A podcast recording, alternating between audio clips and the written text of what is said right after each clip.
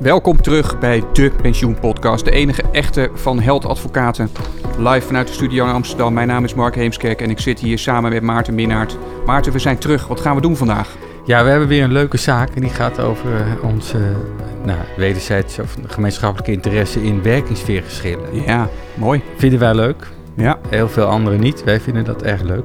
Kast, we hebben de kast vol met uh, dit soort dossiers, toch? Ja, ja inderdaad. Dus uh, we houden dat uh, scherp in de gaten. Ehm, ja, nieuwe, nieuwe uitspraak over werkingssfeer en de gevolgen daarvan. Ja, veel van die zaken die zijn natuurlijk heel ehm, casuïstisch, heel individueel van aard. Ja. Van valt nou een bepaalde activiteit onder werkingssfeer van de BPF 1 of van 2 of 3 of of welk gedeelte daarvan is er sprake van hoofdzakelijkheid. Hier gaat het niet zozeer om de vraag of de werkgever onder de werkingssfeer van uh, in dit geval PMT valt, ja. metaaltechniek, want dat staat vast. Uh, de vraag is of in dit geval de betreffende loonadministrateur, een ZZP'er, als ik het goed begrepen heb, ja. uit de stukken, um, aansprakelijk kan worden gehouden voor het feit dat hij de werkgever er niet op heeft gewezen dat er mogelijk sprake is van een uh, verplichting om deel te nemen in een uh, BPF. Ja, weer een nieuwe lood aan de boom, hè? want we, de, de aansprakelijkheidsstellingen die vliegen ons uh, om de oren. Hè? Wie, wie kun je allemaal aansprakelijk stellen? De werkgever, de pensioenadviseur, ja. de accountant en dus ook de loonadministrateur. Tenminste, dat wordt geprobeerd.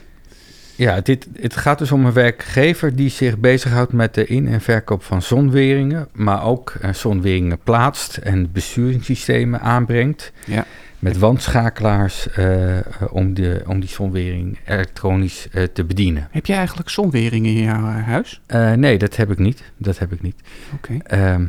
Want je weet dat zodra je een schroevendraaier in de hand houdt, en iets met metaal doet, dan moet je altijd de vraag stellen, dat zeggen wij altijd, van Ja. val ik niet onder metaal en techniek. Ja, het is risico. En Ja. ja, ja ik, vind, ik vind het wel opvallend, Maarten, want eh, nou, jij en ik kennen die... eh, ik wil niet zeggen dat we die verplichtstellingsbeschikking uit ons hoofd kennen, want dat is natuurlijk eh, pagina's lang.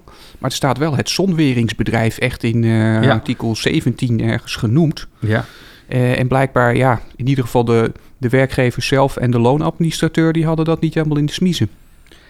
nee, nee, nee. Dan, en dan is de vraag van uh, wiens verantwoordelijkheid is dat eigenlijk Ja, ja. In, in dit geval? Nou is die zaak, uh, of, de, of het, het, het, het geschil is uh, aangeslingerd eigenlijk door een uh, ontslagzaak. Dat zie, je, zie je ook vaker, hè? zie je ook vaak en van een werknemer, van een oplettende uh, advocaat daarvan, die tegen de werkgever zei: had ik niet ook pensioen moeten opbouwen, in dit geval in het pensioenfonds metaal en techniek. Ja. Ik denk dat het ook over de CO-bepalingen ging. Ja, klopt. Uh, dat daar ook misschien niet alles is betaald volgens die CAO. Uh, ja, dat heeft de boel eigenlijk aangeslingerd. Zo zie je maar weer dat je bij ontslagzaken ook weer last kan krijgen voor je hele populatie van, uh, van mogelijke pensioenlasten. Zeker. En toen heeft men een onderzoek gedaan. De werkgever heeft een onderzoek laten doen naar de vraag of uh, ja. deze werkgever onder de werkersfeer valt. 8, 8000 euro, Maarten, uh, voor dat rapport. Ja, nou, het, het, dat is natuurlijk wel. Het, soms is het heel ingewikkeld. Ja. dat, weten wij, dat weten wij zelf ook. nou, de conclusie was: ja, u valt eronder. RTB, zo heet die werkgever. Um, roltechniek. Roltechniek. Ja. Vervolgens is die werkgever boos geworden op zijn loonadministrateur. Een, zoals ik eerder zei, een ZZP'er. Ja. met af en toe een werknemer in dienst.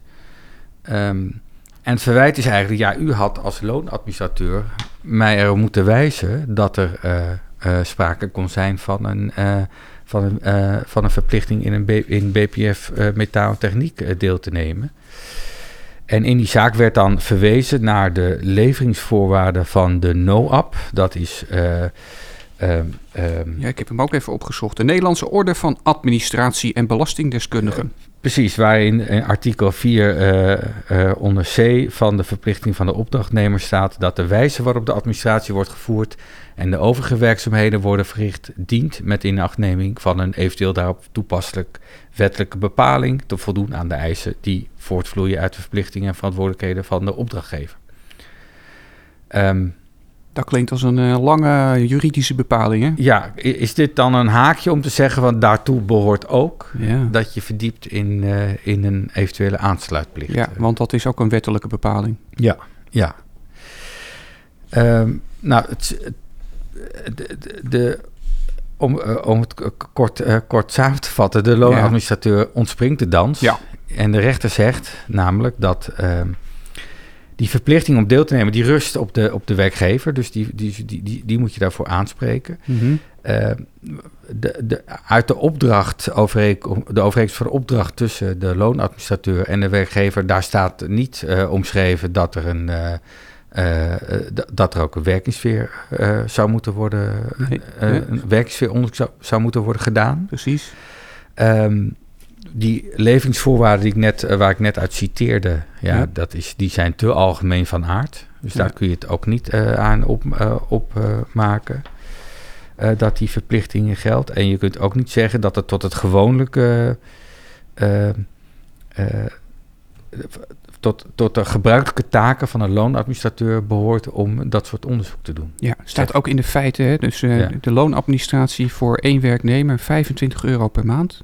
Voor eh, maximaal vijf nemers eh 60 euro per maand. Ik denk dan, ja, dat, dat, dat is wel een karige beloning. Misschien als je dan ook verwacht dat op grond van de algemene voorwaarden nog een eh, toch vrij specialistisch werkingssfeeronderzoek van verschillende pensioenfondsen daaronder zou vallen. En- ja, en, en daarbij komt ook nog dat de werkgever aan diezelfde loonadministrateur eh, ooit heeft medegedeeld dat er geen CO van toepassing is. Ja. En geloof zelfs ook geen pensioenregeling eh, Ja, ja. van toepassing. ja dat kleurt het natuurlijk helemaal in. Nou, is hier niet de les ook voor, eh, tenminste de waarschuwing voor loonadministrateurs en misschien ook voor accountants? Ehm, maar vooral ja, om, om duidelijk te maken wat, wat niet behoort tot je taken. Ja, dit is natuurlijk een, een loonadministrateur die, zoals jij zegt terecht, eh, de, dans lijkt te ontspringen. Hoewel we natuurlijk niet weten of er nog hoger beroep gaat komen. Eh, maar ik denk dat de situatie van accountants eh, en zeker voor pensioenadviseurs toch anders kan zijn.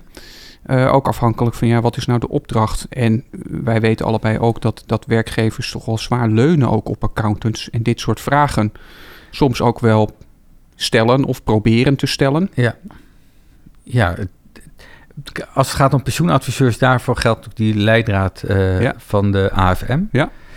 Ehm, en daar staat dat dat een, eh, ja, dat, het, dat het een- als het ware een voorvraag is van, eh, uh, voordat je gaat, als je gaat adviseren over pensioenregelingen, dat je de vraag stelt van, is er niet een verplicht eh, gesteld bedrijfstak pensioenfonds eh, van toepassing? Ja, is? ja dat, is echt, dat is echt ingevuld. En wij, die hebben ook een keer, is zo'n zaak eerder dit jaar geweest, Ja. die we ook hebben besproken in, in de podcast. Ja. Dus je ziet wel, maar jij wilde nog iets kwijt volgens mij over de schade.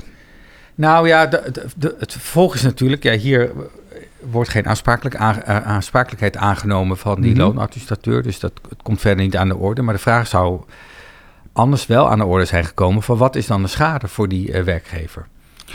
Is dat de premie? Nou, daarvan kan je, zou je kunnen zeggen, ja, maar als je die, premie die had je anders ook moeten betalen, dus dat kun je niet als schade eh, eh, aanvoeren richting eh, degene waarvan je die een verwijt maakt hier. Ja.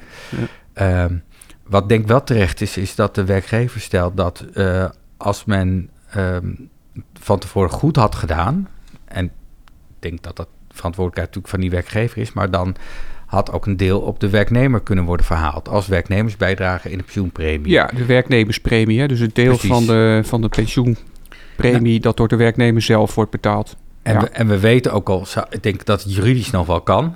Of nee, juridisch Ja. kan het. Om, eh, om, eh, om achteraf te zeggen van ja, afgelopen jaar had u eigenlijk uw werknemerspremie nog moeten betalen. Dus die gaan we inhouden bij de volgende loonronde. Ja. Nou, Ja. je voelt al aan, dat is natuurlijk een heel moeilijk verhaal. Dat niet alleen leidt dat tot veel gedoe, maar eh, ja, je kan je ook de vraag stellen van, is, had, had die werkgever dat niet eh, zelf, ligt daar niet een eigen schuld van de werkgever en eh, kun je dat dan zomaar terughalen bij Ja, je trekt gewoon een beerput open. Hè? En Ja. nog los van alle verjaring en herrie op de werkvloer die je dan over je afroept. In ja. de praktijk zien we dat eigenlijk heel weinig gebeuren. Dat dat alsnog wordt ingehouden. Ja, de ene werkgever zit daar wat meer ontspannen in dan de ander. Dat is natuurlijk nog wel een ander punt. Maar die, die, daar, daar moeten we nog op wachten, denk ik, Maarten. De echt uitspraken over van, ja, de, de omvang van de schade en Ja. eigen schuld. Ja, en het tweede punt van die, van die schade is dat, dat, dat de werkgever zegt... als ik, eh, dat houdt dan met die premieverband... Mhm. als ik dat had geweten, dan had ik die eh, kosten verwerkt in mijn producten. Dus in die zonweringen Ja. waren wat duurder geweest. En dat kan ik niet achteraf bij mijn klanten in rekening brengen. Ja. Nou, dat, dat zit wat in, in dat, in dat punt. Daar gaat nog een keer eh, over geprocedeerd worden, denken wij, toch? Ja, ja. Ja. Ehm, Had jij nog, eh, nog meer uit nou, deze kijk, uitspraak? we, we zeiden net, de loonadministrateur ontspringt de dans. Nou, de, de werkgever niet, want die moet ook nog een openstaande factuur betalen Ja, die hij niet heeft ja. betwist. Dus die reconventionele vordering, zoals dat heet, van eh, de loonadministrateur op de werkgever, die eh, is wel succesvol. En dat betekent dat die werkgever die rekening alsnog moet betalen. Ja, dat sowieso. Wat ik ook nog wel aardig vond, is dat eh, werd aangevoerd dat er sprake was van onrechtmatig handelen door de loonadministrateur, omdat de jaarrekening niet goed, goed zou zijn opgesteld. Want daar waren de, de pensioenverplichtingen dan niet goed in opgenomen. Ja. Ja, dat, dat, gaat, eh, dat gaat er niet in bij de, bij de kantonrechter. Maar ik vond het wel een, eh, een originele gedachte om te kijken of je voor deze loonadministrateur, maar misschien in een andere zaak ook wel met accountants, Ja. toch wat, eh, waar volgens mij toch een wat, wat stevigere verplichting op zit, of je dat argument kan inzetten. Nou, de, de rechter zegt eigenlijk van, na de kennis van toen, was Ja. de jaarrekening eh, goed. Want er waren geen verplichtingen, er was geen aansluit, er werden geen premies eh, betaald. En dat er een, een latente verplichting zou zijn, ja, als dat bekend was, dan, ja, dan was, was dit geen procedure ja, maar dan natuurlijk. het natuurlijk een beetje kip- kip-ei. dus, en ik, ik heb zelf het idee van ja, dit is voor de loonadministrateur misschien toch anders dan voor een accountant. Dus het zou nog wel eens eh, kunnen zijn dat dat nog in een eh, andere procedure aangevoerd wordt. Ja. Ja. Zijn we er denk ik doorheen? Of wil jij nog, heb je nog eh, de final thought? Iets wat je kwijt wil verder? Nee, dat niet. Ehm, aardige zaak. Ehm, eh, en de loonadministrateurs, let op uw zaak, zou ik zeggen. Zo is dat. En voor de zekerheid, als je eh, niet meent dat je voor eh, de, de, de, de rekening die je eh, bij de werkgever toestuurt, dat je niet bepaalde zaken, dat je bijvoorbeeld een werkingsweer daarvoor niet tot Ja. je neemt, dat je dat ook opschrijft, wat Ja. je allemaal niet doet.